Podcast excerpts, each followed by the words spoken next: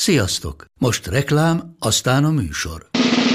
A műsor, valamint az élményekkel teli utazások, személyre szabott ajánlatok és állandó kedvezmények támogatója a Molmove hűségprogram. Nyisd meg a Molmove appot a profilodba belépve, add meg a Sport TV promóciós kódot, és tankolj Molevo és Evo Plus üzemanyagjainkból 15 forint per liter kedvezménnyel. Ne feledd, a Sport TV promókóddal most még jobban megéri Molmove tagnak lenni. Vége a reklámnak, jön a műsor.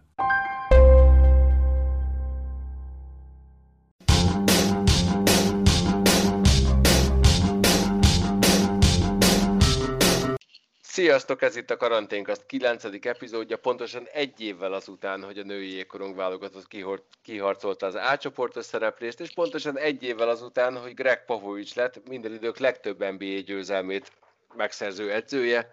Csabi, hogy emlékszel az egy évvel ezelőtti dologra? Erre iszunk. A következő kérdésem az lett volna egyébként, hogy látom, látom elfogyott a sör, remélem újra üdvözölhetünk az alkoholisták táborában. Nem. Igen, igen, most, most már újra lehet. Akkor is ittam, most is iszom.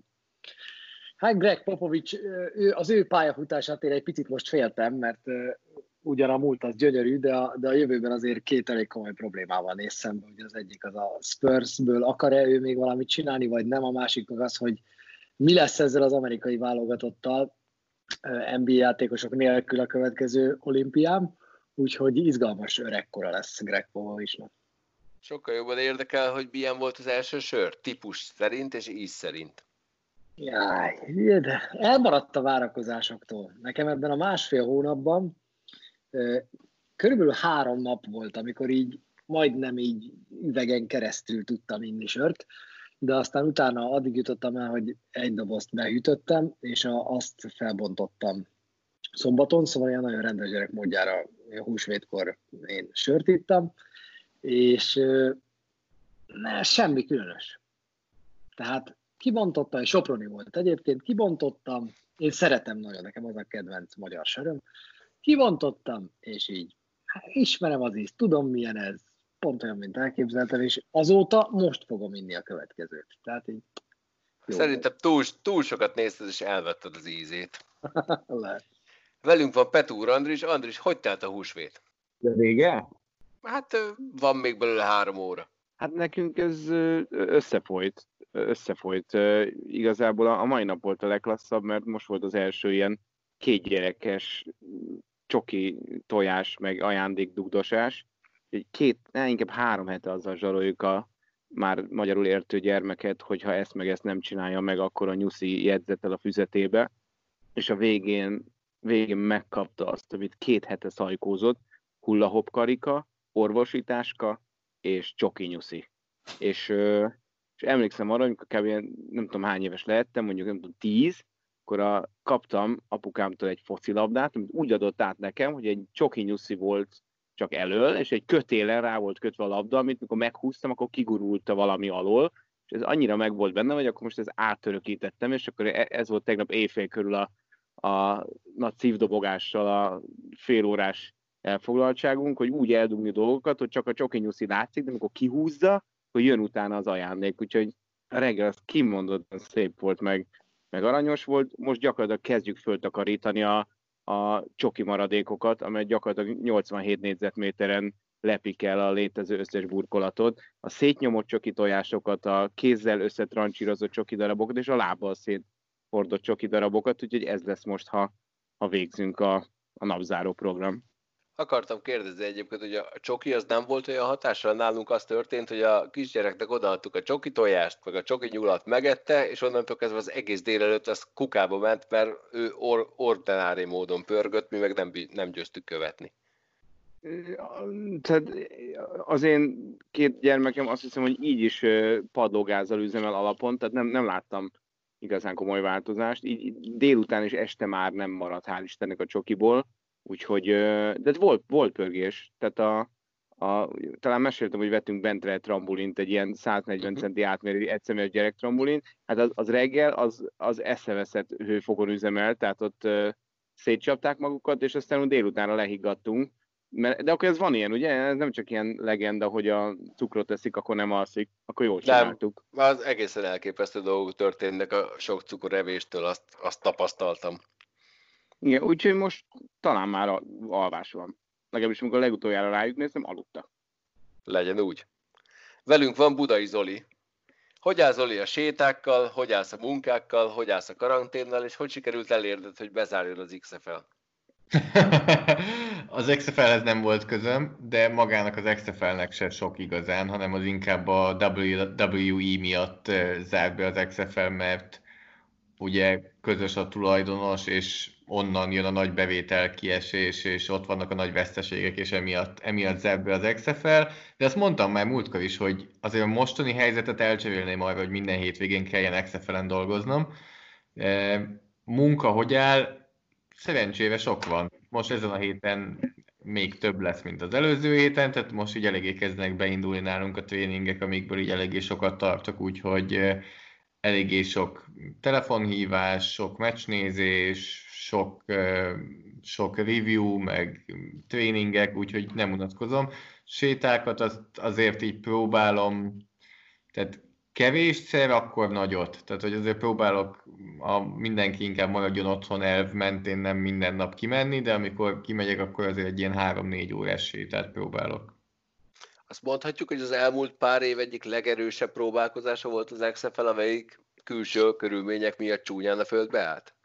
Abszolút. Én azt gondolom, hogy eléggé sok mindent megéltünk abban a 4-5 hétben is, ameddig volt az XFL, mert elindult várakozásokkal teli, mindenki nagyon várta, jó lesz, és nézték az első hetet. Második, harmadik hétben volt egy kis hullámvölgy, hogy fú, azért a színvonal nem olyan, és utána pont elkezdett volna megint menni fölfelé, mert emberek kezdtek hozzászokni, eh, kezdtek, eh, kezdték megkedvelni újra, és anyagi háttér is itt azért azt gondolom, hogy eléggé jó volt, e, és, és tényleg ezzel sajnálhatjuk, mert az EEF-nél tavaly ott elfogyott a pénz, elfogyott a tudomány a végére, itt viszont nem erről volt szó, hanem ez a koronavírus miatt ment csődbe ez a dolog, és, és teljesen csődbe ment, tehát jogilag is most már, most már csődbe ment a liga, úgyhogy tehát arról is lemondhatunk, hogy 21-ben lesz remélhetőleg valamikor lesz majd egy, egy B-liga, B-ligája az NFL-nek valamikor, ami minőségi és, és ami innovációra sarkalja az NFL-t, mert ez volt a jó az XFL-ben, hogy olyan dolgokat próbáltak ki, amiket ki is kellett próbáljanak, hogy nézőket csalogassanak oda, amiket az NFL még nem próbált ki, és idővel azok átmentek volna az NFL-be is. Az NFL egy B-ligát keres, Monc Attila egy B számítógépet. Attila, hogy állsz az IT fejlesztéseiddel?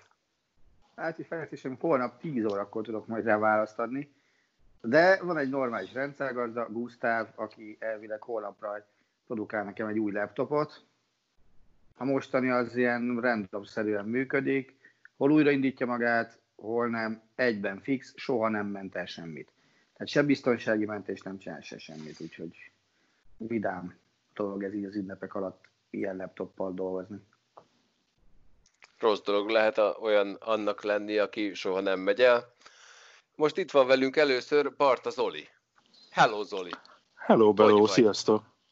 Hát, össze-vissza. Kihasználva a karantén adta nehézségeket, mi próbáltuk ezt a párommal kicsit pozitív irányba fordítani, úgyhogy vettünk egy kis kutyát, úgyhogy amikor azt gondolná az ember, hogy itt majd alszik a karantén ideje alatt 12 órákat, hát így nem annyira, úgyhogy picit megborulva vagyunk, úgy hol én megyek le éjjel kettő-négy között, meg reggel hatkor, hol a párom, tehát hogy két óránként azért járkálunk, ami abból a szempontból hasznos, hogy mondjuk a harmadik emeletre fellesétálni, az, az legalább valamiféle kis mozgást igényel ebben az időszakban is. Két kérdésem van, milyen típus? Egy törpetacsi, de a törpetacsiból is egy, egy törpefajta. A második kérdés az, hogy beengedzitek az ágyba. És hogyha azt mondod, hogy nem, akkor miért hazudsz? Kérlek szépen, nem hogy az ágyba, a hálószobába sem. Nálunk ah. van most már, most már nagyjából tíz napja, viszont olyannyira nem engedjük be a hálószobába, hogy mióta itt van, azóta mi sem nagyon léptünk be a hálószobába. Most én bejöttem Skype-olni, de azóta kint alszunk vele a nappaliban, hogy egyből tudjunk ugrani, hogyha bármi van, úgyhogy nem csak a kutya nem kerül be az ágyba, de még mi se a sajátunkba. saját tapasztalatból mesélem, hogy én is így kezdtem. Nem engedjük be a kutyát az ágyba, de én alszom kint vele. A vége az lett, hogy én is beköltöztem a hálószobába, és a kutya is. Viszont te csinálsz egy tiszta kezeket felcímű sorozatot, amit én nagyon-nagyon szeretek, viszont tegnap elmaradt. Lesz ennek pótlása, vagy ez a húsvét miatt teljesen kukába ment az, az epizód? Hát én megmondom őszintén, hogy a húsvét miatt nem akartam senkit különösebben ezzel csesztetni, ami akár még jól is kijöhet, mert, mert azért olyan dolgok történtek a, az elmúlt egy-két napban, amire talán könnyebb lesz reagálni pár nappal később, úgyhogy csütörtökön mindenképpen lesz, és keresgélem a, a megfelelő megoldásokat és vendégeket, hogy, hogy ezért most viszonylag sok oldalnak meg kellene hallgattatnia magát, sok véleménynek el kellene hangoznia, és ennek megfelelően holnap rávettem magam a, a magyar kézilabda tömegre. Hamarosan mi is magyar kézilabdáról fogunk egy kicsit beszélgetni, de előtte feltétlen szeretném elmondani, hogy nézzétek meg a Sport TV Facebook oldalán a Fülöp Lacival készült beszélgetést, mert szerintem elképesztően szórakoztató. Bármelyikőtök látta már? Én még én biztosan nem. Én az első egy percet láttam. Eddig. A másodiktól indul be, úgyhogy akkor térjünk át a kézilabdára. Múlt héten egy elég kemény döntést hozott a kézilabda szövetség, ami után komoly indulatok szabadultak fel. Azóta bármi változott-e, illetve történt-e bármi olyan dolog, ami említésre méltó ebben a témában? No, hát akkor igen. Akkor De akkor mondjad a tőle, mert szerintem egyre gondolunk. Vagy uh, kettőre. Ami meglepett és nagyon pozitívan lepett meg, az a, az a férfi fronton történt dolog, hogy tudnélik a bajnokságban talán hetedik helyen álló csurgó azt mondta, hogy ők felajánlják az indulási jogot a, az őket ebben a szezonban oda-vissza megverő, és talán harmadik gyöngyösnek, mert szerintük ez, ez így van most rendjén. Ugye a csurgott tavalyi eredmények alapján mm, harcoltak ki az indulási jogot, idén ott voltak a, a harmadik körben a selejtezőben, ha jól emlékszem, ami, ami egy tök jó eredmény volt tőlük, meg nagyon szimpatikus meccset játszottak, és talán Zoli ordítozott a Leimeter góljánál, bár ebben nem vagyok biztos. De, De Konstanca ellen. Igen, és egy, egy, ott is szimpatikusak voltak meg, meg azt gondolom, hogy ez a lépés is egy végtelenül szimpatikus lépés volt. Hozzáteszem, az EHF kupa az sem anyagiakban, sem presztízsben nem mérhető a BR-hez, de a lépés az egy végtelenül sportszerű, mondhatnám azt, hogy felpédies lépés volt. És hát igazából egy, egy praktikus lépés is. Én azért nagyon kíváncsi leszek, amellett, hogy elismerem maximálisan ennek a lépésnek a, a szépségét és nagyságát, de ugye most már a gyöngyesék is, amelyet hogy megköszönték, ezt jelezték, hogy azért az nem egyértelmű, hogy el fognak indulni. Tehát ugye jelen pillanatban ott tartunk, hogy ezek a klubok, mert nagy klubok is bajban vannak, a kicsik még inkább, szerintem a legkevésbé sincsenek arra felkészülve, hogy nem tudni milyen anyagi háttérrel majd elkezdenek adott esetben utazgatni el kupa selejtezőkre. Tehát engem, bár nagyon tetszik ez a, ez a gesztus, de az sem lepne meg, hogyha a végén egymásnak tologatnák akár két-három-négy csapat az EHF kupa indulást, mert csak hogy ilyen profán módon fogalmazok, én nem tudom, hogy kinek lesz most erre pénze, hogy egyáltalán elinduljon. Pontosan ezt szerettem volna mondani, hogy amit a csurgó csinált, az, az nagyszerű, és pont Attilával beszéltük még aznap, ő küldte nekem a linket, hogy nagyjából valami erről, erről szólna a sport számunkra, viszont én is azt gondolom, hogy ezért azért ebben van egy kellemes a hasznossal, tehát morálisan borzasztóan nagyot nő az emberek szemében a csurgó, teljes joggal, de itt azért az EHF kupában, főleg az EHF kupa csapatoknak olyan költségeik vannak, nem csak az utazásoknál, a hazai meccsek megrendezésénél is, hogy nagyon-nagyon sokáig kellene jutni a sorozatban ahhoz, hogy ez a dolog profitáljon. Konkrétan szerintem mondjuk a, a Final Fourig, mindenféle szempontot figyelembe véve, és azért mondjuk, hogyha egy második vagy harmadik selejtezőkörben kipottyan egy csapat, annál, annál sokkal rosszabbat nehéz elképzelni egy, egy nemzetközi kupa induló számára, anyagilag természetesen. Nekem lenne egy borzasztó naív kérdésem, ami a női vonalra vonatkozik majd. Van-e bármilyen, akár bírósági úton elérhető lehetősége a siófoknak arra, hogy ő szerezze meg adott esetben a szabadkártyát a BR-re? Tehát ez egy olyan szituáció, amiben bele kell törődni, ez van. Én azt gondolom, hogy, hogy sajnos igen. Ami nem szerencsés a, a történetben, az az azóta más médiumban elhangzott indoklás, hogy amikor a klub és vállalatot érdekeket mosunk egybe, az szerintem nem szerencsés. Ugye itt Kisner, bocsánat, Kisner Erika interjújáról van szó, nem akartam közbevágni, mm. csak nem tudom, olvastátok-e már a Facebookon, hogy ő írt egy nyílt levelet ezzel kapcsolatban, hogy hát ezt én nem, nem olvastam be Hogy hát ezt nem teljesen úgy gondolta, és nagyon sok félreérthető dolog volt a, a mondandójában, amit nem így gondolt, és ő a szubjektív véleményét mondta el azzal kapcsolatban, hogyha a Ferencváros indul a BL-ben, ami egyébként még önmagában nem jelenteni azt, hogy ezt a döntést hozta az MKS, hogy a, a Ferencváros indul, hiszen véleményem szerint ebben az évben is a Magyar Kézilabda Szövetség döntene arról, hogy, hogy az esetleges szabadkártyát, ami már ugye szinte biztos a, a korábbi EHF kupa eredmények miatt, azt melyik csapatnak adja, viszont épp a döntés miatt... Ez, épp... ez így nem pontos. Kit terjeszt föl arra, hogy oda adhatja neki az EHF. Igen, így, így, tehát hogy igen. Viszont épp a Kirchner a interjúban elhangzott indoklás miatt borzasztóan nehéz azt elképzelni, hogy ez, ez nem Ferencváros legyen. És ugye még korábban a döntés másnapján volt egy interjú Csokor, amelyben az elnökségi tagok közül néhányan nyilatkoztak, tehát most nem emlékszem konkrétan, ki mondta ezt, Pálinger, Katalin, Novák András, többen is elmondták a véleményüket, amelyben szintén fölmerült, hogy egyébként ugye a magyar válogatott, vagy a magyar női kézilabda, vagy a szakág érdekét az szolgálja, hogyha inkább a, a magyar játékosok a felálló és a válogatott gerincét adó Ferencváros indul a bajnokok ligájában. Én már azt sem tartottam szerencsésnek, pontosan azért, mert mert ugye az optikája ennek egyébként sem jó, akkor én már biztosan nem nagyon hangsúlyoznám, hogy egyébként ez még valakinek az érdeke is.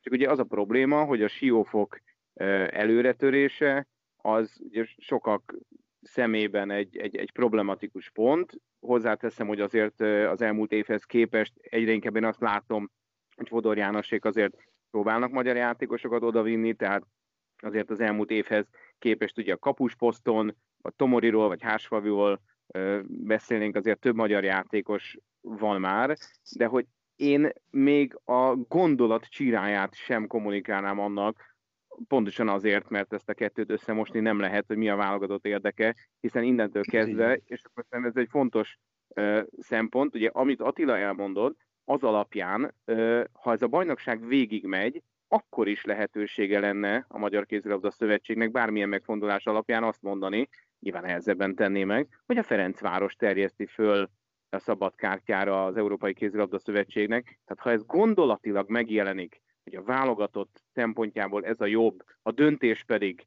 ugye az MKS-nél van, az, az egy nagyon problematikus dolog. Én, én ezt egy szerencsétlen mondatnak, vagy mondat sorozatnak tartom egyébként, hogy ez elhangozhatod, főleg úgy, hogy ugye tudjuk, hogy mivel Fálinger Katalin várandós, azért feladatainak egy részét átadta Kisner Erikának, aki nem csak azért beszélt, mert egyébként korábbi kitűnő kézilabdázó és a Vásznál klubvezető, hanem a szakákban a válogatott tért felelős szakember is, tehát így meg a személyben ez végleg, ez végképp összemosódik.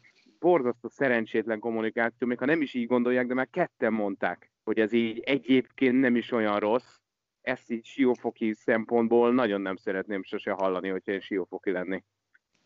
Hát ez így van. Ugye, ugye más változás is van az előző évhez képest. Ugye az előző szezonban még az volt, hogy az MKS több csapatot is felterjesztett a szabadkártyára, jelesül ugye hármat terjesztett fel. Az előzőben az Érd, a Siófok és a Fradit is felterjesztette. Idén a szabályok alapján egyet terjeszthet föl és, és azt nem a, a, az EHF.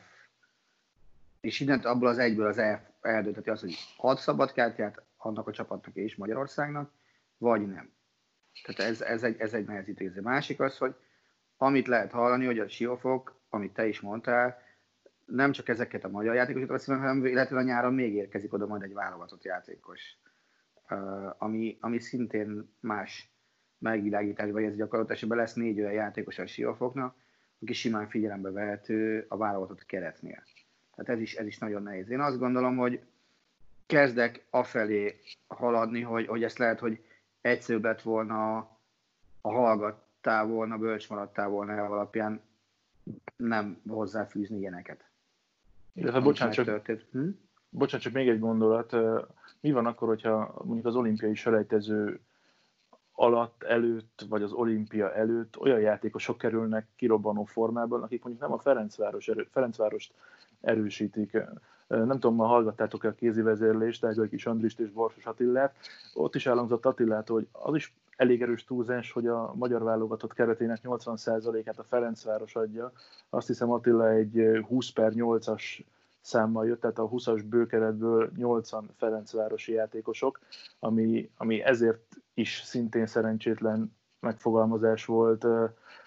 Azt hiszem ez is Kirchner Erika volt, tehát hogy azért vannak olyan, olyan érdekes dolgok, amik, amik felvetnek néhány kérdést, meg egyébként az is érdekes felvetés, hogy mi lenne akkor, hogyha mondjuk tavaly a Siófok végzett volna a második helyen, a Ferencváros meg a harmadikon, most pedig úgy áll a dolog, ahogy áll, akkor mi lett volna az MKS döntése, de hát nyilván ez már csak abszolút fikció. És főleg az is, az is érdekes, hogy az elmúlt időszakban ilyen légiós igazolás, dömping nem volt a Ferencvárosnál, és ugye ennek a másik oldalán pedig azt látjuk, hogy egyébként magyar válogatott, vagy egykori válogatott játékosok távoztak, tehát ugye még korábban Mészáros, de most mondjuk Hornyák nevét is nyugodtan lehetne említeni, aki Lukács, ha jó formában van, akkor, akkor ugye fölmerülhet a válogatottnál. Fivinyének még nem tudjuk a, az új klubját, Lukács ugye Győrbe megy, tehát valójában azzal, hogy németek, holland szélső érkezik, ugye tudjuk a felhozatalt, ezzel valóban ezek az arányok picit visszafelé mozdultak el.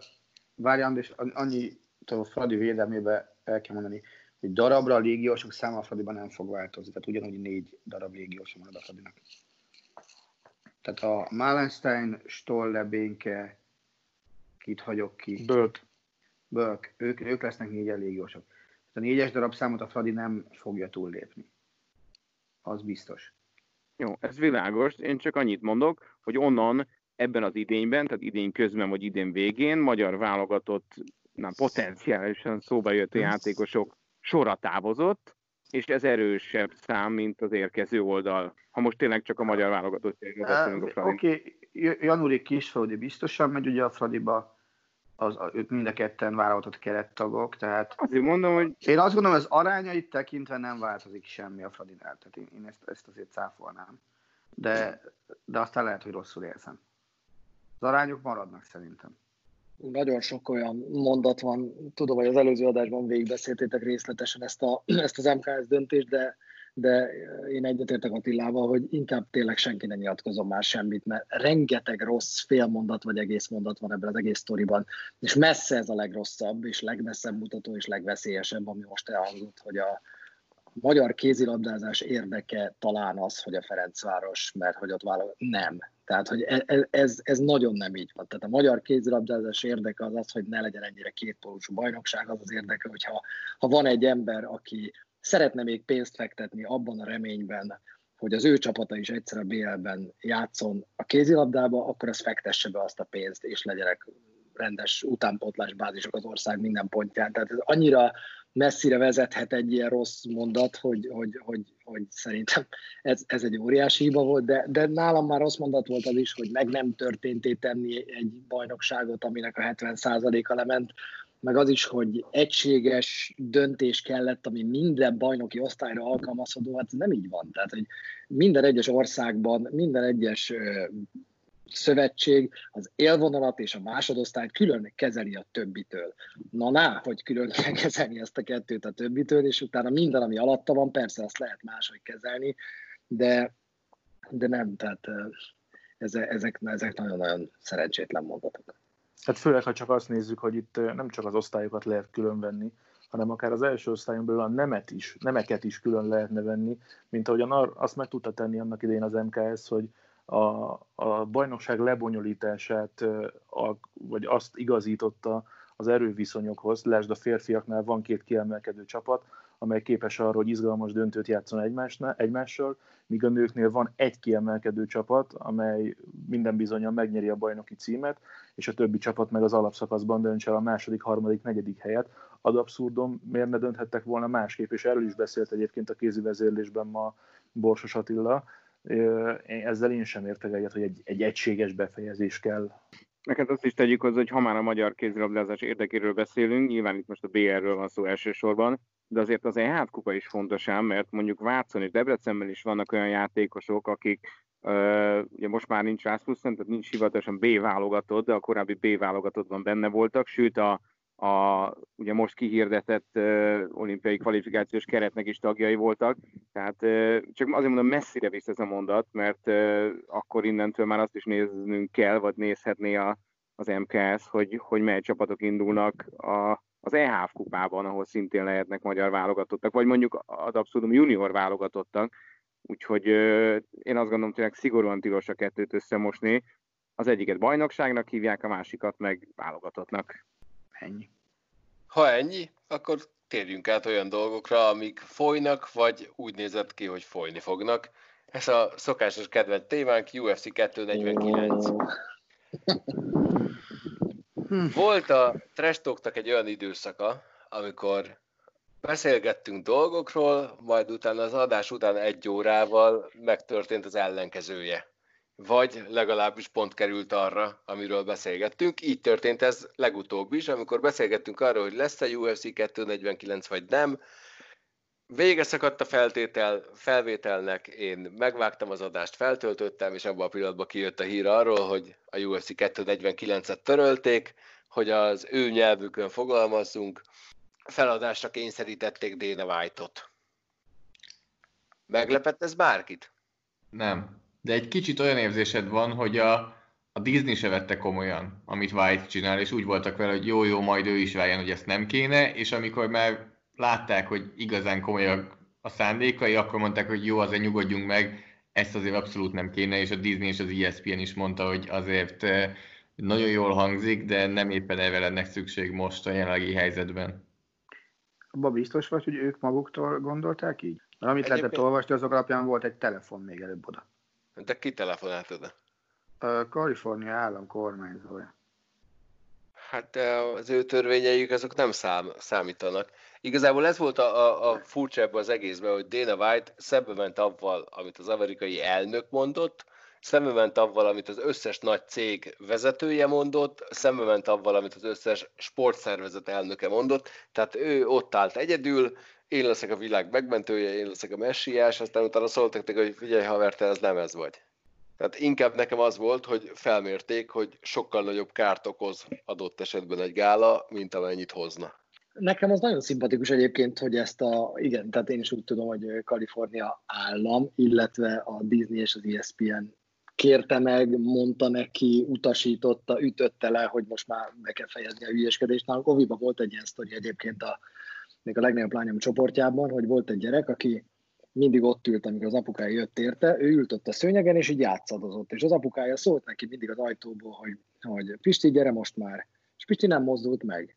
És akkor szólt neki még egyszer, Pisti, gyere most már. És Pisti még mindig, mindig ott ült, harmadszor is, Pisti, gyere légy szíves, mert indulnunk kell. És ugyanúgy nyomta a kis autóval, és akkor az óvónőnek már rohadtul elege lett, és oda szólt, hogy Pisti, nem beszél észre, hogy apukát beszél, és akkor Pisti fölnézett, és azt mondta, hogy ez még nem az a hang. És most oh. az történt, hogy most megérkezett az a hang szerintem, amikor felhívták Dana white és azt mondták neki, hogy na jó, eddig hülyéskedtél, de olyan károkat okozhatsz, hogy most, most leállsz ezzel a gálával, Mondta ez neki az, aki fizet neki, nem tudom, másfél milliárd dollárt a közvetítési jogokért 5-6 évre. Ugye én, én úgy láttam, amennyire én ennek próbáltam utána olvasni, hogy ő ügyeskedni akart. Tehát azzal, hogy igazából egy ilyen törzsi kaszinóban lett volna ez a gála, ezzel ő megkerülte volna a helyi szabályozásokat, és nem lett volna rájuk semmi érvényes, de, de szóltak neki, hogy ne került meg a törvényeket, ne került meg a korlátozásokat. Ez nagyon rossz példa, ehhez a Disney, az ESPN nem adja a nevét. Szerintem helyes a döntés. Abszolút, de ő megígérte egyébként, hogy ebben a törzsi kaszinóban lesz a következő UFC gála, bármi is történjék. Egyébként ez mennyire reális elképzelés, amit ő ez mellett még folytat, hogy Fighter Islandet létrehozza? Hát ez, abba, ez egészen addig érdekes egyébként, amíg A.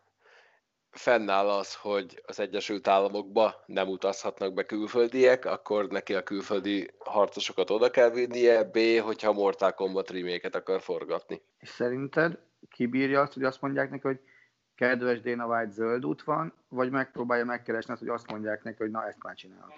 Figyelj, ez, szerintem ez a csávó elmegy a falig.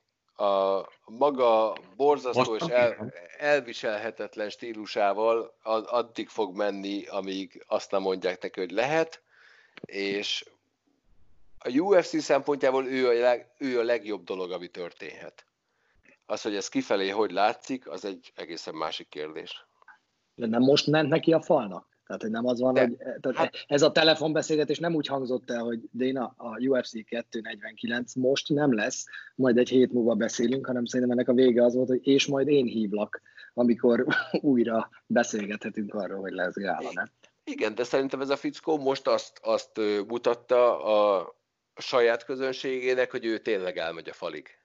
Szerintem mi manipulálva vagyunk. A tény, hogy erről megint beszélgettünk, most már egy hónapja, szerintem mindaz, amiről ez az ember álmodott. Gondoljatok abba bele, hogy ennél azért jóval fajsúlyosabb témák, mint foci és olimpia, a mi kis podcastunkban már két hete kifújtak, mert két hete leütötték őket, de már akkor is azt reklamáltuk, hogy most már mondják ki, amit egyébként mindenki tud, hogy ki fognak mondani, hogy ez elmarad, az elmarad, ő meg nem mondta ki, és ezért ezekről már rég nem beszélünk, és itt vekengünk, nem tudom, három hete a semmin gyakorlatilag. Igen, mondhatta volna a Tokiói Szervezőbizottság, meg, meg a Nobi is, hogy jó, akkor 2020-ban lesz egy olimpia, de nem Tokióban, hanem egy hadihajón fogjuk megrendezni, egy négy emeletes zárt hadihajón, aminek 5 méteres páncélborítása van, és ezért nem jut át rajta a bacillus, és amikor erre azt mondják, hogy hülyeség, akkor jó, tenger alatt járom fogjuk.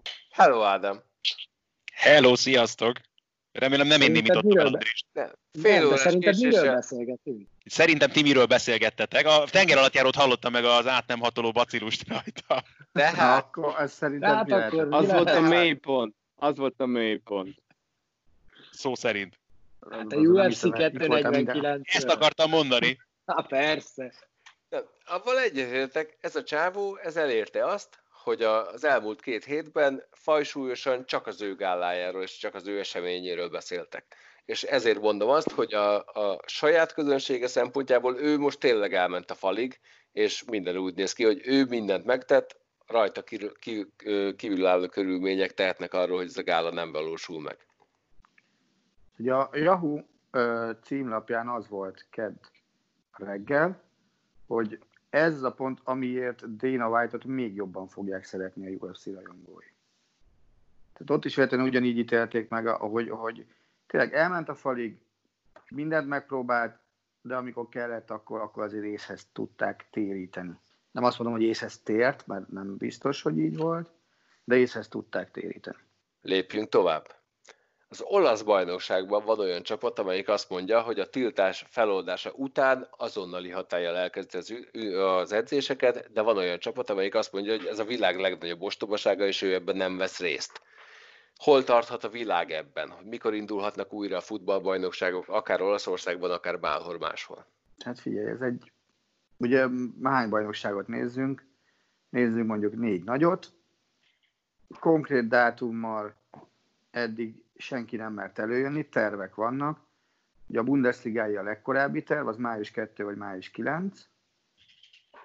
A, a Premier, talán a Premier League azt hiszem a legkésőbbi, az június, ha minden igaz. Az olaszoknál ma láttam leírva egy május 31 de a Csabi kijavít, hogyha hülyeség.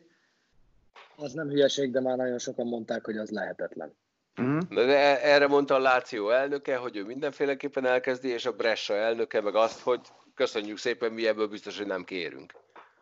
Jó, az egyik a bajnoki címet akarja megszerezni, a másik meg talán nem akar kiesni, és hát, ha így tud megmenekülni. A Láció nem akar kiesni? Ezt csak a Csabi miatt kérdezem. De ezt inkább a méhes majd Jövök egy téged. A méhes most nincs itt, ne haragudj, tőle nem kérdezem. Mondom, holnap hív, mondom. Jó, rendben. Tehát, mint engem képes volt azért felhívni, hogy be vagyok-e rúgva, amikor lemertem írni azt, hogy a Manchester City a második számú Manchesteri csapat. Természetesen be voltál. Igen. Jó. Amerikában lehet fogadni bármire. Például lehet arra is fogadni, hogy augusztus egyig legkésőbb elindul-e az NBA vagy az NHL. Erre mínusz 140-es az ott. Szóval is már a... emberi ocra. Alacsony. Alacsony. Jó. De ha a 140-es odds alacsony, akkor mit mondasz arra, hogy mínusz 900 az odds arra, hogy augusztus 29-én időben elindul az egyetemi futballbajnokság. Mínusz 900? Mínusz 900. Az mennyi? Az ilyen egy egész mennyi? Az annyi, 1,10 kb. Hát, kör, hát körülbelül az, a, a, a, a mínusz 900 az abban egyenlő, mint hogyha arra fogadnál nagy tétben, hogy Faragó Rihárdnak feláll a haja, vagy nem. Jó, csak ezt mondta. Tehát ez ugye az, hogy A hajában, a hajában biztos vagyok, a többi az más tét lenne. ez az, hogy 900-at kell, hogy föltegyél ahhoz, hogy 100-at nyerjél. Jó, Jó akkor úgy értem, oké. Okay. Én más, más otcokat tudok kezelni, ezt, ezt az amerikai otcokat. Ismerős. Jó, rendben. Az NFL otca a szeptember 13-ai indulása mínusz 275. Ehhez képest először Na kérdeztem várj, Csabi. szeptemberi, szeptemberi NFL. Szeptember, szeptember 13-ai NFL Ja, bocs, indulás, NFL, jó, mínusz, jó, bocs, bocs. igen, mínusz 275. És az Augusztus- egyetemi az valószínűbb? Azért, mert szerintem azt nem tudjuk, vagy nem tudom, hogy tudod-e, hogy mivel gondolnak a fogadóévedek. Tehát, hogy most egy meccset lejátszanak valahol, Idaho játszik a North Dakotával, az teljesen más, mint az NFL-nél. Nyilván csak úgy fog elindulni, hogyha mind a 32 csapat játszik. Hát nyilván a- az NFL-nél az sokat javít a helyzeten, hogy 32 csop, profi csapatról gondolkozol, az egyetemi futballnál, meg egy csomó egyetemistáról, akinek amellett, hogy amerikai futballt játszik, még iskolába is kéne járnia. De ebben az, ott- de az otcoknál, amiket most mondtál, ott azt mondják, hogy valószínűbb, hogy az egyetemi indul el. Mínusz 900, Igen. és mínusz 275 az NFL. Akkor valószínű, ha jól számolom, akkor valószínűbb ez alapján, hogy az egyetemi indul el. Azt mondják. Hát ezt te tudod. Most én is összezavarodtam, de elméletileg mínusz 900, azt szerintem az, hogy, hogy fordítva. Aztán ki tudja. Most már összezavarodtam én is. De, Én is. ugye? Én azt gondolom, hogy az NFL a valószínűbb. Erről beszéltünk a múltkori adásban is. Igen, nekem de- nagyon távolinak tűnik, hogy bármi elinduljon a közeljövőben. Nem, nekem, nekem ugyanolyan távolinak tűnik az augusztus, mint a, a május másodiki Bundesliga. Persze ez a pessimistább hozzáállás. Meg Nem talán tudom, Európában egy fokkal még jobban állunk szerintem, meg a németek meg pláne, mint az amerikaiak most, ami ilyen híreket lehet hallani.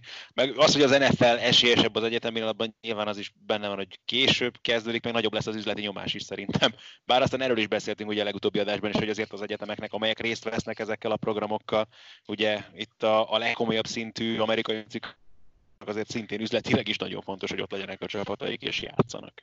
Zoli, azt hadd kérdezzem meg, hogy azt elképzelhetőnek tartod az NFL esetében, amit a baseball most elég erőteljesen szorgalmaz, hogy, hogy ők Arizonában egy ilyen 80 mérföldes, azt hiszem 80 mérföldes körzetben akarják letolni az alapszakaszt addig, amíg, amíg nem rendeződik a helyzet.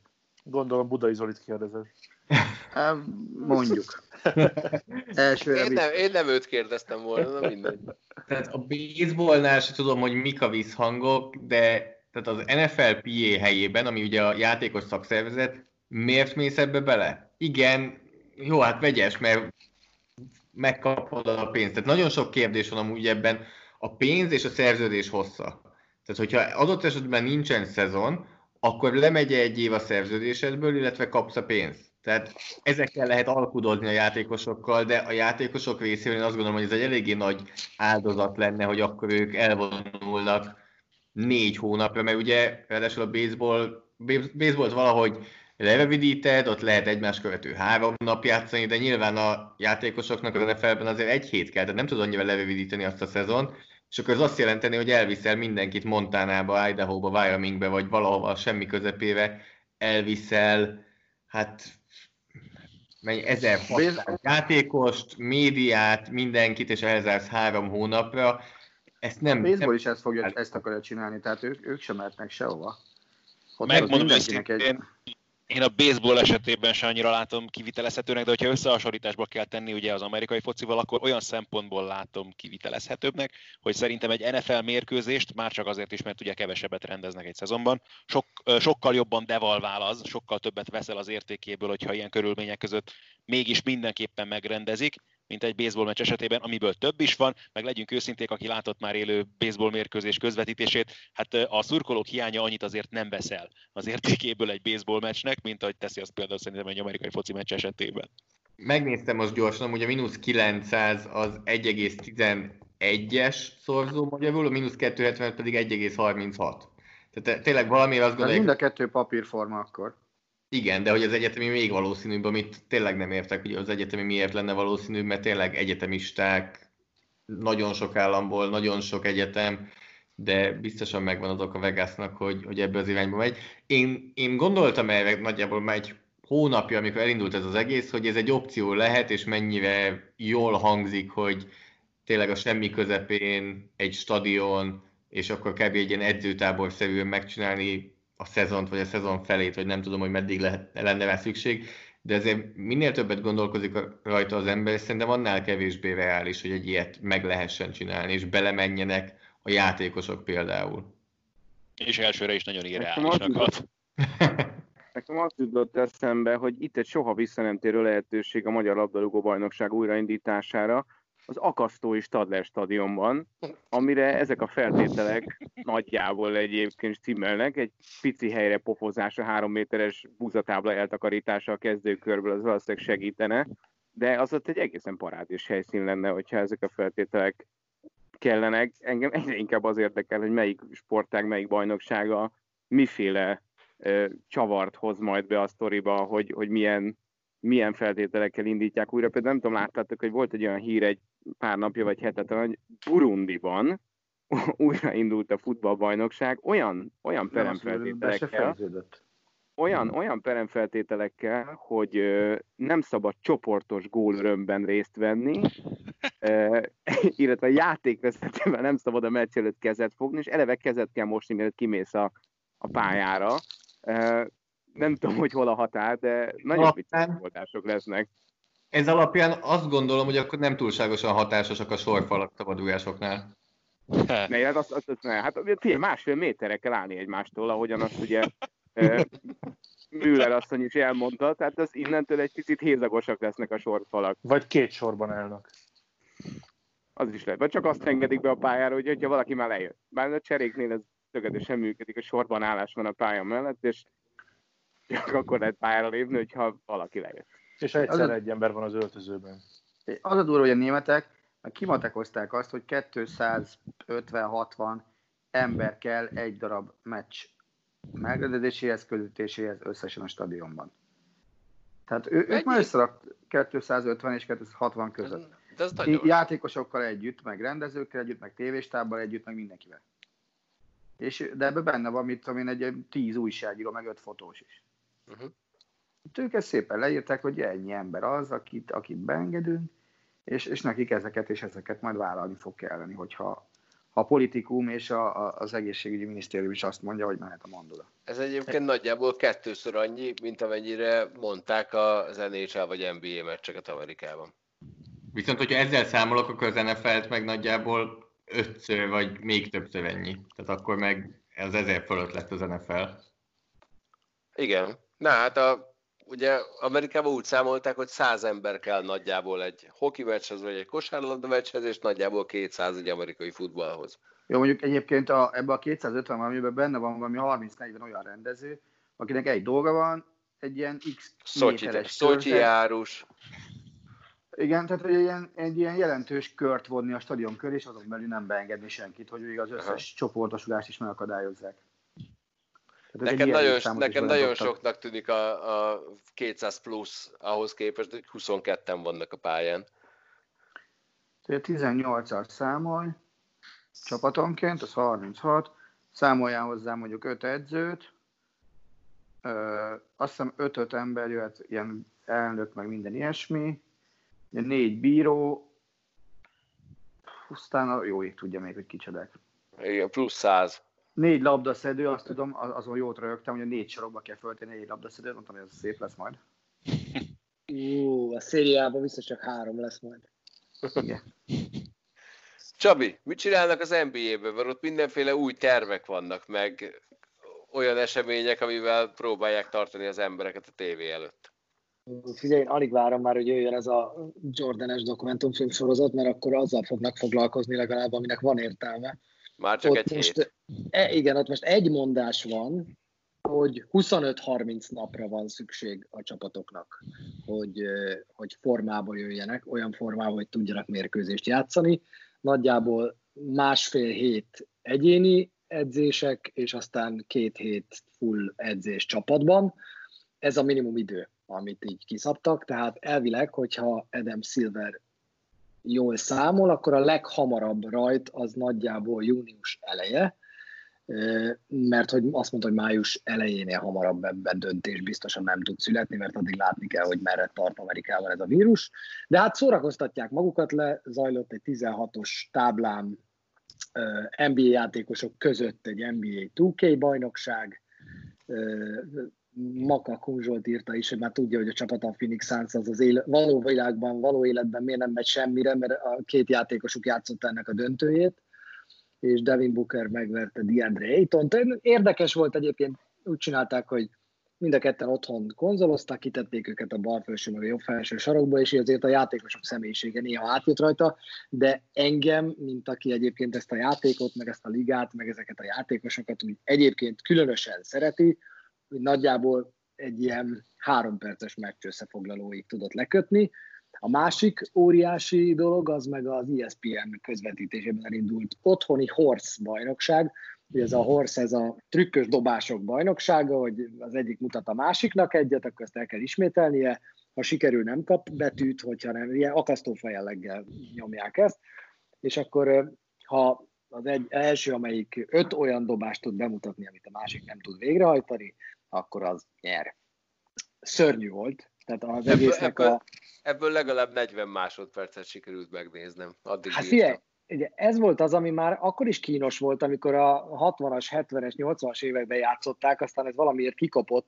Pete Merevics volt ennek az óriási ö, nagy királya, aki leült az egyik szákára, és onnan dobált, és senki nem tudta ülve bedobni a labdát rajta kívül, és akkor mindig nyert.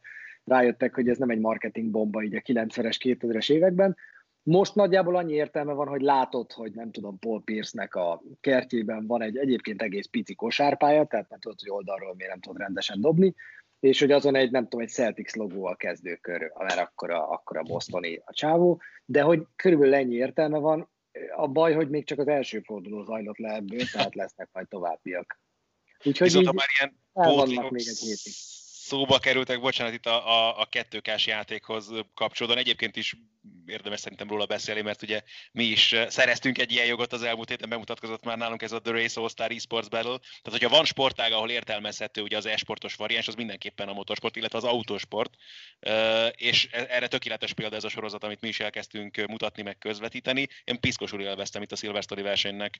Nem, hogy összefoglalót, hanem ugye az összes versenyt egy az egyben meg tudtuk mutatni, mert ugye ilyen sprint versenyek eh, jell, sprint versenyeket rendeznek, ráadásul ugye tényleg ugye az, hogy olyan nevekkel van fel ö, bővítve a mezőny, akiket ismerhetnek az emberek abszolút különböző sorozatokból, de a legjobb része meg az, hogy van ilyen legendák versenye, ahol ráadásul ugye 70-es évekbeli Form 1 autókkal versenyeznek, Emerson Fittipaldi, Juan Pablo Montoya, Dario Franchitti, tehát egészen zseniális, és ez tényleg szerintem tud kapcsolódni az ember, ezt még valamilyen szinten komolyan is tudja venni, mert tényleg mondjatok más olyan e-sportot, amit tényleg komolyan lehet venni olyan szempontból, hogy akár még aki ott jól teljesít a való életben is tudna eredményeket elérni. Szerintem nagyon így hirtelenjében nekem legalábbis nem jutott eszembe más, szóval én, én ezt piszkosul élveztem, és szerencsére még jó néhány verseny meg fog mutatni ebből itt már ezen a héten is.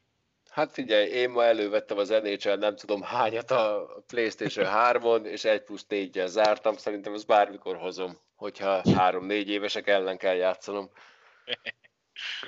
Azt magyarázza, hogy a Maxim hogy engedte meg ezt? Ö, addig ö, Super Mario-zott a Gameboyom. Értem, jó. Ennyi.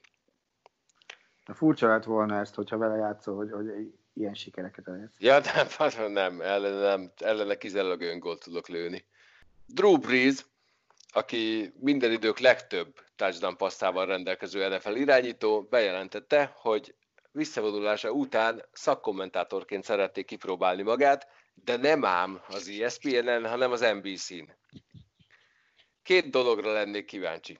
Az egyik az, az feltétlen Zolit kérdezném, hogyha jól tudom, az NBC szakkommentátora a főnököt, Chris Clisworth. Igen.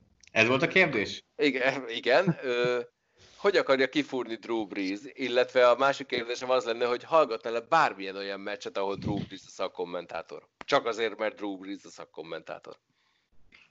Na most, amiket én hallottam, az az, egy, hogy Breeze-nek ugyanannyi, ugyanakkor jár le a szerződése, mint Chrisnek, tehát ezt az NBC az nyilván nem véletlen csinálta így, hogy majd, hogyha oda eljutnak, akkor akkor a szerződést újra tárgyalásokkal szépen lehet kettejüket de versenyeztetni. Azt is gondolom, hogy azért ilyenkor Krisznek benne van gondolom a szerződésében az, hogy, hogy azért ő csinálja a Sunday Night meccseket. Tehát az élő szerződéssel nem hiszem, hogy hátra tudják őt rangsorolni. És Krisznél is amennyire én hallottam, az az elképzelés, hogy beültetik a stúdióba először, és utána pedig a Notre Dame meccsekre fog menni, ami a legnagyobb jog, azt hiszem a legpatinásabb jog azért a, a, az egyetemi fociban, és a Notre Dame meccseket fog kommentálni. És akkor így szépen fokozatosan fölépítik. Tehát erről szerintem mindjárt fogunk egy kicsit beszélni, hogy ESPN versus NBC, és az ESPN a nagy márka, amit nek sikerült ezt a Monday Night Football meccseit leépítenie nagyon mélyre az elmúlt 5-6 évben, hogy az NBC nem csinálja meg azt, amit az ESPN, hogy két éve, én úgy tudom, hogy az NBC szinte ugyanezt odaajánlotta Jason Wittennek is. Egy az egyben ugyanezt, hogy stúdióba bejöhet, és utána mehet Notre Dame meccsekre. Az ilyen pedig van egy aktív... Jason, Witt, Jason Witten inkább visszatért az NFL-be játszani. De ez még előtte volt, hogy Jason Witten pedig inkább azt mondta, hogy ő elmegy az ESPN-hez Monday Night Football-t kommentálni, amiből gondolom egyből nagyobb pénzt kap, és akkor egyből ott lehet meccseken, ami egy akkora kudarc volt, hogy szerintem Jason Witten soha sehova nem fog már kelleni a médiába, akkor sem, amikor másodszor visszavonul, és Breeze ilyen szempontból azt gondolom, hogy okosabb volt, hogy ahelyett, hogy az ESPN Monday Night Footballját választotta volna, inkább megy az NBC-hez, ahol van lehetősége arra, hogy idővel azért jó meccseket csináljon. A Biztos, más... hogy ez van mellette egyébként? Mert amikor elkezdtünk mi NFL-t közvetíteni a 2000-es évek közepén, akkor a Monday Night Football egy kiemelt márka volt. Aztán 2006-ban a Monday Night Football átkerült az ABC-től az ESPN-re, és azóta a Monday Night Football egy nézhetetlen szörnyűségé vált tizenvalahány év alatt. Tehát a nagyon-nagyon rossz mutatókkal, nézettségi mutatókkal rendelkező valami, ami borzasztóan sokba kerül, ami, ahol a szezon második felében szerencsés helyzetben mondjuk az esetek másfél, az esetek felében jó meccseket ad, de inkább rosszakat, és valójában ott tartasz, hogy amikor elkezdtünk mi közvetíteni, akkor volt egy All Michaels John Madden duónk, most meg azt sem tudom, hogy ki a, a ESPN Monday Night Football kommentátora. De ezt szerintem valamivel kell, tehát nem előbb van a tyúk, vagy előbb a tojás, hogy előbb jobb meccseket, vagy előbb szerzel jó kommentátorokat, és ezért az NFL könnyebben odaad majd neked jó meccseket. Tehát az ESPN azt el kell ismerni, hogy próbálkozik. Tony Romo, Peyton Manning, Drew Brees, El Michaels, tehát az elmúlt három hónapban nagyjából minden nagy nevet megpróbáltak megszerezni, és mindenhonnan nemleges választ kaptak. Tehát, De tehát ennek van oka valószínűleg. Igen, ezért mondom, hogy az is lehet, hogy előbb a kommentátorokat szerzik meg, és onnan könnyebb lesz a jobb meccseket megszerezni, hogyha azáltal fölépítik a brandet. E, de most egy ilyen lefelé menő spirálban vannak, hogy rossz meccsek vannak, emiatt nem vállalják jobb kommentátorok, emiatt kapnak rosszabb meccseket, emiatt nem jönnek már a közepes kommentátorok sem. A második kérdésed, ami volt, hogy Breeze mennyire hallgatnám, figyelj, nem tudom, egyetértek, hogy egy kicsit nagyon-nagyon szimpatikus, nagyon jó fej, na, vagy nem jó fej, nagyon rendes, stb., de nem tűnik egy nagyon színes, érdekes egyéniségnek. Viszont így, hogy nem tolják majd valószínűleg egyből az arcunkba NFL meccseken, lehet, hogy tud, ki tud bontakozni, meg tudja tanulni, hogy mi az, ami jól áll neki, lehet, hogy semmi nem fog jól állni neki, lehet, hogy egy olyan tehetség, mint Tony Romo, egyelőre nem tudjuk, de igen, értem, hogy miért mondod azt, hogy, hogy egy kicsit sótlan azért Drew Brees. Nekem az, el, az első ötlet nagyon jónak hangzott, hogy Peyton Manning legyen. Viszont neki 14 millió dollárt ajánlottak az ESPN-nél arra, hogy menjen el a Monday Night Football-t kommentálni, megígértek neki, hogy beszerzik mellé All Michaels-t kom- vezérkommentátornak, és ő azt mondta, hogy köszi, inkább nem. Melyik volt az utolsó 14 millió dolláros ajánlat, amit visszautasítottatok? Én eddig az összeset. Oké, okay. mi kell nektek ahhoz, hogy jó legyen egy szakkommentátor? Nagyon sokat dolgozunk, mindannyian dolgozunk szakkommentátorokkal, kivéve Zolit. Mi, ke, mi a fontos nektek, hogy milyen legyen egy szakkommentátor, aki mellettetek dolgozik? Ne racsoljon. azok, azok, azokat én is kirúgnám azonnal. Ó, azért óvatosan, mert, óvatosan, mert nem csak amerikai foci van. Azért uh, szerintem viszonylag könnyen össze lehet gyűjteni egyébként ezeket a dolgokat. Nem? Tehát most ami hirtelen eszembe jut, az, az biztos az, hogy nyilvánvalóan szakértelem, hitelesség, amiben akár benne lehet az is, hogy legyen akár olyan játékos múltja, ez biztos nagyon sokaknál számít, ezt tapasztaljuk ugye a, a, a Magyarországon dolgozó labdarúgó szakkommentátorok megítélésével kapcsolatban, vagy a labdarúgó műsorokban dolgozó ö, egyéb résztvevők megítélésével kapcsolatban, fogalmazzunk így. Nyilvánvalóan az sem mindegy, hogy hogy kommunikál, és az sem, hogy milyen ember. És ezek, ezek mind-mind átjönnek szerintem egy közvetítés folyamán. És szerintem az alapvető kémia is, tehát nem biztos, hogy, nem biztos, hogy egy szakkommentátor jó X mellett és Y mellett is, mint ahogyan uh, itt akár szerintem nyugodtan lehet beszélni kommentátor, szakkommentátor párokról is. Van, aki passzol, van, aki nem passzol, vagy van, aki jobban passzol, van, aki kevésbé passzol, és nyilván azt sem, azt sem lehet mondjuk tagadni egy közvetítés során, hogy egy kommentátor és egy szakkommentátor egyébként a privát életben is tök jóban van, és mondjuk napi szinten beszélgetnek arról, amit egyébként hetente egyszer vagy kétszer közösen élőadásban megcsinálnak. Hát nekem, nekem két ilyen dolog van alapvetően. Az egyik, hogy és igen, itt lehet neveket mondani. Mondjuk én, amikor NBA-t közvetítek, akár Kornéllal, akár az Istivel vagyok, minden alkalommal van legalább egy-két olyan dolog a közvetítésben, amit ők észrevesznek, de én nem. És ezt én iszonyúan szeretem, amikor akár egy játékban megmondja, hogy most mi fog történni, megmondja, hogy ez a csere miért történt. Tehát ez, ez szerintem a néző számára ez a legfontosabb, és az, hogy mindezt olyan 6-8 másodpercben értelmesen el is tudja mondani, mert az nagyon-nagyon fontos szerintem, hogy ne, tehát tegye hozzá, de ne legyen túlságosan sok, és legyen tisztában vele, hogy, hogy az nem az ő dolga, meg nem is az enyém egyikünk és sem, mert ez maga a meccsről szól. De hogyha valakinek nincs meg ez a játékos múltja, vagy ez az edzői, vagy játékos szeme, szerintem az se baj, akkor viszont legyen annyira felkészült és vagy szórakoztató, hogy, hogy, hogy jobb legyen tőle a közvetítés sokkal. E, ehhez különleges tehetség kell, és nem feltétlenül kell hozzá szerintem játékos múlt. Nekem van kedvencem egyébként ebből a szempontból, akit egyszer a mai napig nem értek, és ilyen top háromban van nekem, hogy ki az, akivel én egyszer szeretnék leülni, beszélgetni az életéről, a pályafutásáról, hogy hogy jutott el addig, és hogy marad még ott, ahol most tart. Hubie Brown. Csanyi.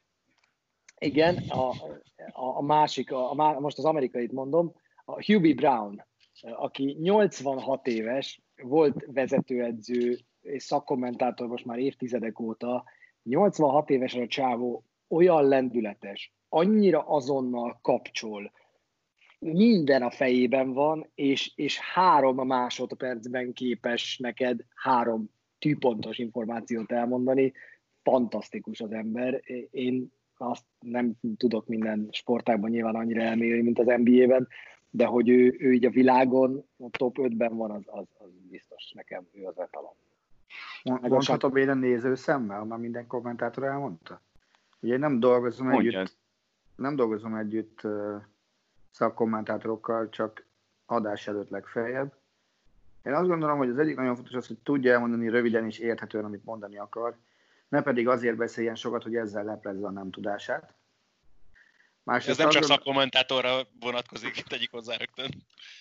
Oké, okay. másrészt gyűlölöm azt, hogyha elemzésben azt hangzik el, hogy ott, a, ott a középhátvéd nem mondjon nevet, tehát tudja azt, akikről beszél, ismerje azokat és az se hátrány, hogyha az információk tekintetében napra kész, ami, amivel sajnos bizonyos sportágoknál kegyetlenül küzdködünk.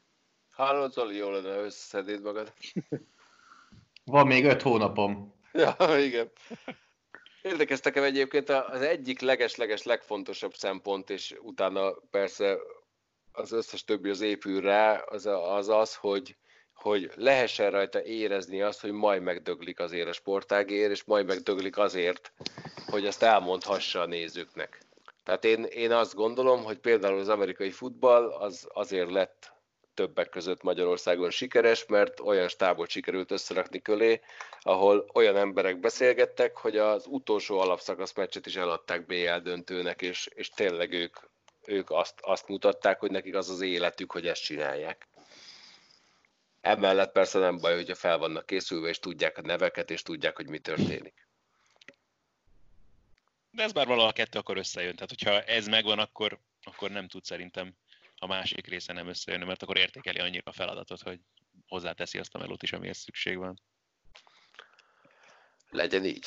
Menjünk át bulvárba, mert egyébként a múlt héten nekem egy olyan élményben volt részem, amire a, például a Trash Talk 7 éves fennállása alatt szinte egyszer sem.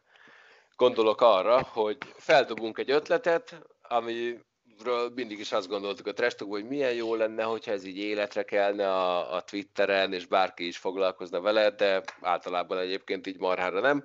A legutóbbi kérdés viszont, hogy ki lenne az a három sportoló, akivel szívesen összeköltöznél, vagy négy, akivel szívesen összeköltöznél egy karanténban, ez önálló életre kapott Varga Robi hallgatónk miatt a Twitteren, és borzalmas mennyiségű hozzászólás érkezett, úgyhogy ez nekem óriási boldogság, ezért kérdezném tőletek azt, hogy mi az a három dolog, ami nagyon pozitívan csapódott le az eddig eltelt egy hónap alatt bezárva, és mi az a három, ami nagyon-nagyon rosszul csapódott le az elmúlt egy hónap alatt bezárva. Kezdjük Csabival. Oké. Okay. Ami nagyon jó volt ebben az elmúlt pár hétben, szeretem így hívni. A, a, nekem az a lelassulás, tervezés, házkörüli dolgok. Tehát, hogy én nekem egy csomó mindent megcsinálok most, amit egyébként utálnék megcsinálni itthon, de neki tudtam kezdeni, át tudtam gondolni, meg tudtam tervezni, és meg is csináltam. Ma, ma például meg tegnap festegettem a kerti bútorokat, ami nem tudom, tehát, hogy és így azt vettem észre, hogy megnyugtat. Az elmúlt tíz évben bárki azt mondta volna, hogy figyelj, fest már a kerti bútorokra, elszaladtam volna itt az biztos, hogy valami iszonyú sürgős teendő van. A top három rossz dolog, az, az az érdekes, az egyik az ilyen munkával kapcsolatos, hogy kezdem azt érezni, ezt többen nem tudják, de nekem nem a sport egy most a nagy cégen, az EMC-n belül az elsődleges feladatom, hanem ilyen digitális dolgokkal is kell foglalkoznom, meg saját gyártású, de nem sportműsorral, és azért azt veszem észre, hogy ez a feladatok legtöbbje több osztály összekötését igényelni, és azért erre rá lehet parázni erőteljesen, hogy igazából azért nem vagy az irodában, nem tudsz oda menni egy-egy emberhez, hogy nem tudom, öt jó perc alatt elintéz vele egy kávé mellett azt, amit már három hete szeretnél elkérni, vagy hasonló. Tehát, hogy azért erre rá lehet feszülni akkor, amikor több osztályt kell, kell így egybe tartanod. Erre én egy kicsit ráfeszültem a múlt héten. Szerintem két napja volt nekem a mélypont így az élő meccsek hiánya miatt, amikor így elém került egy négyes, amit a Juventus-tól kaptunk, rövid videó formájában, és arra gondoltam, hogy de jó lenne egy ilyen, csak élő legyen, már mindegy. Mert hogy én mondtam, hogy, a, hogy hallgatom, vagy nézem a, régi sportközvetítéseket, most már arról is lejöttem. És, és már, így, már, már így nincs, ami érdekelne. Igazából már csak dobják föl, vagy rúgják el a labdát, nekem, nekem már teljesen mindegy, de most így a, a filmek, a dokumentumfilmek azok még úgy körülbelül azok, amik úgy megmaradnak nekem, de minden más elkezdett idegesíteni, ami, ami sport, élő is lehetne, de nem az. A harmadik meg, ami szörnyű szar, az, a, az az online világom a FIFA című játékban, amit kénytelen vagyok most is elmondani, mert szanaszét vernek engem, aki egyszer régen még közepes játékosnak tartotta magát, és most már azt érzem, hogy, hogy mindenki sokkal jobb nálam, és 12 éves röhögő gyerekeket látok magammal szemben, amikor egy ötöst rúgnak nekem, és, és, és ez nagyon rossz, hogy rácsúsztam erre, erre az online játékra most megint, és nem akarom elfogadni, hogy szar vagyok. Ugyan elkezdtem újra játszani playstation de Csavi, ígérem, nem én voltam. Ádám, nálad hogy néz ki a toplista? Hát, ami nagyon pozitív, az tényleg az, hogy, hogy van munka és hogy lehet csinálni dolgokat. Nyilván messze nem ugyanaz, mint hogyha tényleg ugye zajlanának a mérkőzések, és hétről hétre tényleg a Bundesligát csinálhatnánk, vagy akár a kézibajnokok ligáját, stb. ezeket a dolgokat, de egyáltalán ebben a helyzetben nyilván ezt meg kell becsülni az embernek, és ezért én borzalmasan hálás vagyok, és én ezt mindenhol mindenkinek elmondom, hogy tényleg csak az egyáltalán, hogy még bejárhatok ugye az épületbe, már ez is kiváltságnak számít itt, akár csak a, a beszélgetésben részvevők között is, e, és szóval ezt, ez nagyon jó, hogy van, és, és nagyon élvezem és akkor ez lehet akár a második is, ezeket a, ezeket a régi meccseket, amik most előkerültek, ugye még nem feltétlenül nagyon archív kategóriába sorolható mérkőzések már itt ezen a héten az NBA-ből, de azért mégis régebbi mérkőzések, és nem ugye ebből a szezonból. És nyilván azért nekem vannak például mondjuk sötét foltok azért, és ilyen szempontból nekem nagyon élvezetes volt még akár például olyan Warriors meccset látni, ahol már volt Steph Curry, meg Clay de azért még ugye például volt még Steve Kerr, és hogy így hogy nézett ki például a játékuk, vagy hogy hogy kopott ki egy-két játékos, pontosan annak köszönhetően más csapatokból is, ahogyan megváltozott az NBA az utóbbi években. Úgyhogy például nekem ez nem tudom, hogy mikor jutott volna eszembe ilyen meccseket megnézni magamtól, tehát ezt nyugodtan vehetjük szerintem szintén pozitív hozadéknak. A negatív meg az, hogy rádöbbenek arra, hogy azért nekem kicsit sok volt a meló olyan szempontból az utóbbi időben, hogy, hogy még azért nincsen bennem az a része, viszont hogy az a nagy égség lenne sok közvetítésre, vagy sok élő meccsre. Tehát, hogy így, ahogy most van, ez ilyen szempontból az olyan nyugis, kényelmes, tehát nincs ez a hatalmas pörgés. Jó az, hogy van egy kicsit több szabad ideje az embernek, meg hogy rá tud pihenni dolgokra, de hogy ez a része meg egy kicsit akár rossznak is nevezhető, hogy nem érzem azt a, azt a nagy szándékot magamon, hogy hú, akkor ezzel most nagyon gyorsan rohanjunk vissza, és akkor megint legyen az a hatalmas pörgés, mert azért volt nagy pörgés itt például január-februárban nálunk. Na, akkor ezt a Máté Polinak nem küldjük át ezt a részt. Andris. Andris. Ja, engem mondtál, bocs, belerögtem. Hát, euh, próbálok nem nagyon lírai lenni.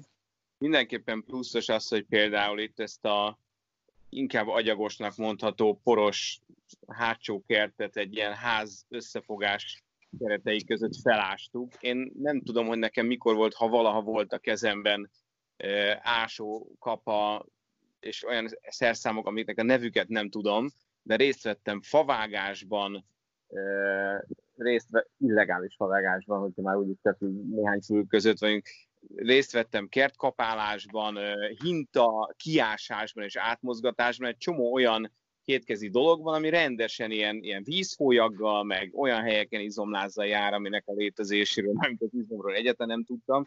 Tehát a pici környezetrendezés, meg fizikai munka az volt, ez, ez nálam pluszos. Aztán pluszos például az is, hogy most így lényegében nem történik velem semmi, meg senkivel nagyon nem történik semmi, így az összes kapcsolatom rokonokkal, barátokkal ugye úgy zajlik, hogy beszélgetünk, de nem, nem tudjuk elmesélni, mi van, mert nincsen semmi. De elkezdtek a beszélgetések átalakulni egy picit, és tök fontos dolgokról van bennük szó, nem csak arról, hogy hol voltam és mit csináltam, mert nem vagyok sehol, és nem csinálok semmit. Tehát egy picit ilyen tart, más tartalmú beszélgetéseim vannak számomra fontos emberek, ez tök jó. Meg az is tök jó végül is, hogy itt van így, tehát az, hogyha 0-24-ben nézem a saját családomat, akkor az egész más, mint amikor hazaesek, meg elrohanok, az, hogy én a fürdőszobába beleszalok a levegőbe, és tudom, hogy melyik gyereknek mi van a pelenkájában, ez egy fontos tudás, és ezt úgy lehet csak megszerezni, a órákig, hetekig, napokig non-stop itthon vagy.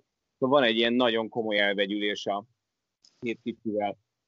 Ami, ami mínuszos, hát most azzal nem ők nagy, nagyot, hogy a tévé meg a sport, de hát ez a kettő ugye nekünk szerencsés módon együtt jár, de külön-külön is baromira hiányzik. A sport nyilván azért, mert most bármi van velünk szombaton meg vasárnap, az ember azért nézi az összes sportág, összes csapatát, játékosokat, bárkit, aki számára fontos, tudja, hogy pályán van, tudja, hogy jön felőle hír, akár benne a tévében, akár itthon, azért az egy, az egy nagyon fontos ritmus ad a hétnek, hogy jön a szombat, jön a vasárnap, és valami van, és dőlnek be az infók, örülök, meg nem örülök, és ez most nincs ez a ritmus, ez elveszett.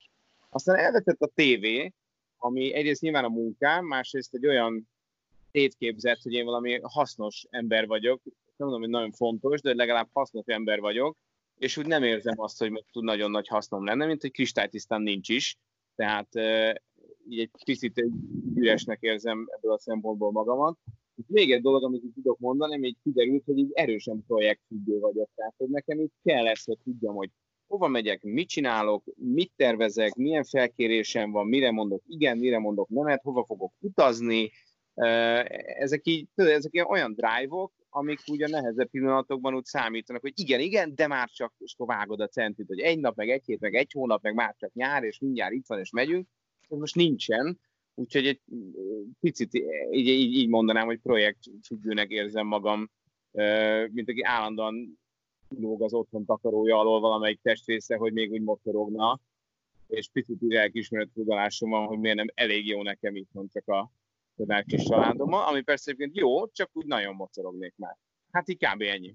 Mennyivel egyszerűbb lenne most azt mondani, hogy Zoli következik, vagy azt, hogy B. Zoli következik, de inkább azt mondom, hogy Barta Zoli következik.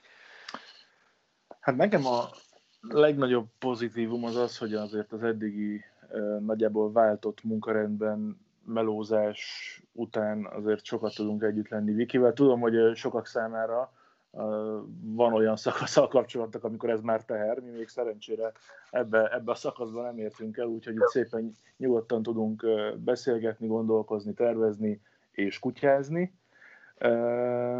Ami pozitív az, hogy nagyon sok olyan dologra van idő, bár most ugye a kutya mellett annyira nem, hogy csak leüljünk, és mondjuk nem tudom, ma egész nap az egyik kereskedelmi csatornán ugyanaz a sorozat, mint reggel 7-től este 11-ig, és csak ott bamboljunk magunk elé, plusz nem kell uh, igazából Vikinek sem feltétlenül ébresztőre kelnie, és mondjuk a harmadik pozitívum az meg legyen az, hogy így, hogy nincsenek sportesemények, nincsen sportfogadás sem, és több marad a kasszában, a negatívumok pedig Ádámmal ellentétben nekem viszont borzasztóan hiányzik a, a közvetítés, és a közvet, az élő közvetítés adta adrenalin, illetve minden mellett az, hogy az agyam dolgozzon, mert azt, azt érzem, hogy úgy vagyok, csinálom a, a kis apróságokat minden nap, amit éppen kell, de hogy az agyamat azt, azt mozgatnám meg, meg csinálnám, meg ami még negatívum talán, hogy itt van egy csomó szabadidő, itt a jó idő, és mondjuk nem tehetjük meg azt nyugodtan, hogy akár Viki szüleihez, nagyszüleihez, akár az enyémekhez csak úgy utazgassunk, el legyünk, stb. stb., hanem most fegyelmezetnek kell lenni, vagy akár nem tudunk megcsinálni együtt egy, egy normális nagy bevásárlást, hanem muszáj, hanem inkább elmegyek én. Budai Zoli? Ami, ami jó, hát még nagyon gyerekcipőben jár a dolog, de, de most elterveztem, hogy akkor ez a helyzet rákényszerít, akkor többet, többet fogok főzni, úgyhogy azt, azt újra úgymond elkezdem. Az újra azért az egy költői túlzás, de inkább legyen az, hogy elkezdem. Eh, viszont, amikor nem csinálok magamnak kaját, akkor ez az öröm az örömben, hogy most tényleg bárhonnan lehet kaját rendelni, tehát minden, minden helyről lehet, és kinyílt minden ilyen, ilyen szempontból. A harmadik pedig, ez másoktól is hallottam, hogy így van, de akármennyire is furcsa, hogy én, én nagyon sok barátommal most többet beszélek, mint előtte. Tehát eh, nagyon sok baráti társasággal így több, több a kapcsolat, nyilván csak virtuálisan, digitálisan, de, de több a kapcsolat. Ami hiányzik, Hát én nagyjából ugye augusztus eleje és február eleje, eleje között alapból is azt csinálom, amit most, tehát hogy eléggé be vagyok zárva, és ez az, a, ez az az időszak március elejétől július végéig, amikor pedig így nagyon kinyílik a világ, és akár merre mehetek, stb.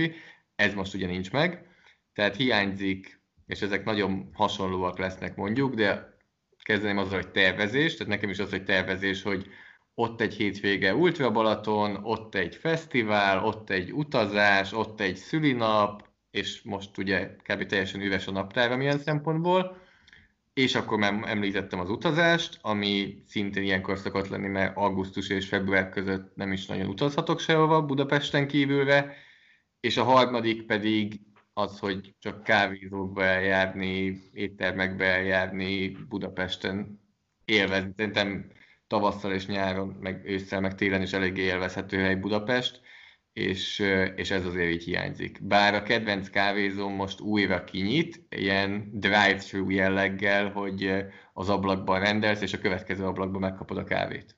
Mondd a címet. Arany János utca 15. Jó, holnap ott tali. Egyébként csak szeretnék szólni a tervezőség miatt, októberben Ultra Balaton. Erre nem tervezhetsz.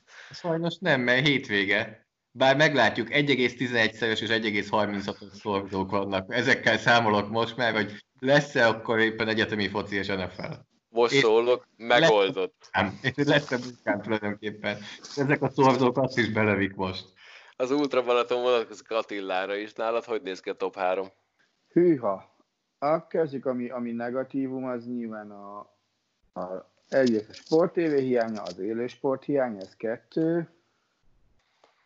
Másrészt meg nem gondoltam volna, hogy, hogy, hogy 31 nap után, vagy 32 nap után ennyire... Hiányzom. Hát hiány, hiányozzanak a társas kapcsolatok, igen. Tehát ez, ez, ez abszolút így van. Hiányoznak a barátok, ismerősök, meg a, meg a család. Tehát az, hogy a, a szülőkkel telefonon beszélni, és, és érezni rajtuk azt, hogy, hogy megértik, hogy nem szabad, ugyanakkor érezni rajtuk azt is, hogy, hogy hát korukból adódóan félnek is. Tehát ezek, ezek a, a baromi negatívumok. Pozitív az, hogy már 1800 méter tudok futni, kitűzött 5000-ből, azt gondolom. Az, hogy tehát home office-ban tudok tovább normálisan, hát vagy normálishoz közelítően dolgozni, mert, mert, mert muszáj és van rá lehetőség is. A harmadik, hűha, Hát a, a, amit a, Zoli, a, a Barta Zoli említett, hogy a, a, a sportfogadás nem létével a, a veszteségek csökkentése, talán akkor mondjuk ezt. Tehát akkor nem kattantál rá a fehér orosz bajnokságra? Nem. Nem hát az azért lendítene a Bundesliga, nem? Tehát azért az, az úgy nem lesz, hogy... Mármint a, a kiadások csökkentése ellen. Igen, az extra bevétel. Mondjuk engem az, elmúlt, az elmúlt napokban bűnbe vitt most már az online puttó is. Azzal is Mi kell benni. Online puttó. Ráadásul 5 percenként húzzák, és még húsvétkor is. Húha. És Galuska neked? Plusz 3, mínusz 3? Hajaj, az a baj, hogy nálam az nagyjából mindegyik ugyanaz, tehát a nem kell emberek közé járni, ezt tudod pluszba és mínuszba is adni. Egyébként nekem ami a, a leg, legfurább és a, a legfontosabb az, hogy, hogy miközben mindenki gondolhatná azt, hogy borzalmasan nagy szabadság, nekem marhára hiányzik az, hogy rákoncentráljak egy dologra, hogy, hogy ez a dolgom, ezt kéne csinálni, és, és ez egyelőre így nagyon, szétcsú, nagyon szétcsúsznak a napjaim. Ezt próbálom megtalálni egy öt éves kisgyerek energia szintje mellett, hogy hogy találjam meg azt, hogy rendbe rakjam a saját életemet és a saját dolgaimat, azon keveseket, amik még maradtak de egyelőre még jól vagyok mentálisan, legalábbis remélem, hogy remélem másnak is úgy tűnik, hogy jól vagyok mentálisan, mert én egyelőre úgy érzem, hogy rendben vagyok. Nagyon szeretnék filmeket nézni, de erre kicsi az esély mostanában. Kivéve, hogyha gyerekfilmeket kell nézni, Paddington 1-2-t ajánlom mindenkinek. Az csodálatos, az összes többi az borzasztó, amit láttam mostanában. Maxim hányat zárt vastapsal? A Paddington egy-kettőt szerette. Az nekem megkönnyebbülés volt. Elolvastuk a könyvet, az mind a kettő borzasztó volt. Mármint az a kettő, amit olvastunk, a film mind a kettő borzasztó jó volt, úgyhogy azt hiszem döntetlen zártam, és az manapság abszolút siker. Bárkinek még bármi?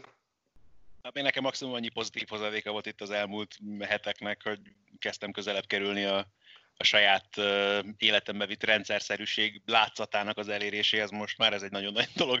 Nálam igyekeztem nagyon finoman fogalmazni, meg uh, sikerült végigzongoráznom itt az első évadot ebből a Forma 1-es dokumentumfilm sorozatból, és egyáltalán nem voltam biztos benne, hogy eljutok hozzá, vagy ezt már halogattam nagyon régóta, mert azért most már több mint egy éve kijött az első széria ebből, de tényleg nagyon jó volt. Most sikerült viszonylag gyorsan végigmenni rajta, még van egy szezon belül hátra. Nekem meg még annyi pozitívum, hogy nem említettem a tiszta kezeket fel, amit egyébként baromira élvezek, meg baromira élvezem azt, hogy bárkit hívok fel, általában mindenki rohadtul ráír arra, hogy negyed órát szakítson, akár csütörtökön, akár vasárnap, hogy dumáljunk, és ez tök jó érzés. A, nekem egyébként a tiszta kezeket felben az a csodálatos, hogy, hogy én is dolgozom nagyon sok emberrel, akiket össze kéne hozni egyszerre, egy időben, hogy érjenek rá, és az, az valami egészen elképesztő, hogy ezt te össze tudod hozni abba a másfél-két órába, hogy mindenki ott legyen, és mindenki mosolyogva beszéljen, néha teljesen összefüggéstelenül, de az tök mindegy. Én is szerepeltem azt... benne, ezért, ezért merem ezt mondani de egyébként meg érzem azt a játékosokon is, vagy most tök mindegy, kiről beszélünk, hogy ők meg beszélni is akarnának, tehát ők sem akarnak eltűnni, és van mondandójuk, meg, meg mindenki tényleg annyira készségesen elrendelkezésre, hát tudjuk azt, hogy szezon közben ahhoz, hogy leszervezzünk egy interjút, vagy egy stúdió vendéget, mennyit kell güriznie a szerkesztőknek, vagy, vagy Attilának, itt meg tényleg igazából lekopogom, nagyjából mindenki egy telefonhívás, vagy egy üzenet, és oké, okay, persze mehet nézzetek ti is tiszta kezeket fel, aztán térjetek vissza hozzánk valamikor jövő hét elején, addig is nagyon vigyázzatok magatokra, ne menjetek sehova. Sziasztok! Sziasztok! Sziasztok! Hello. Ciao. A műsor a Béton partnere.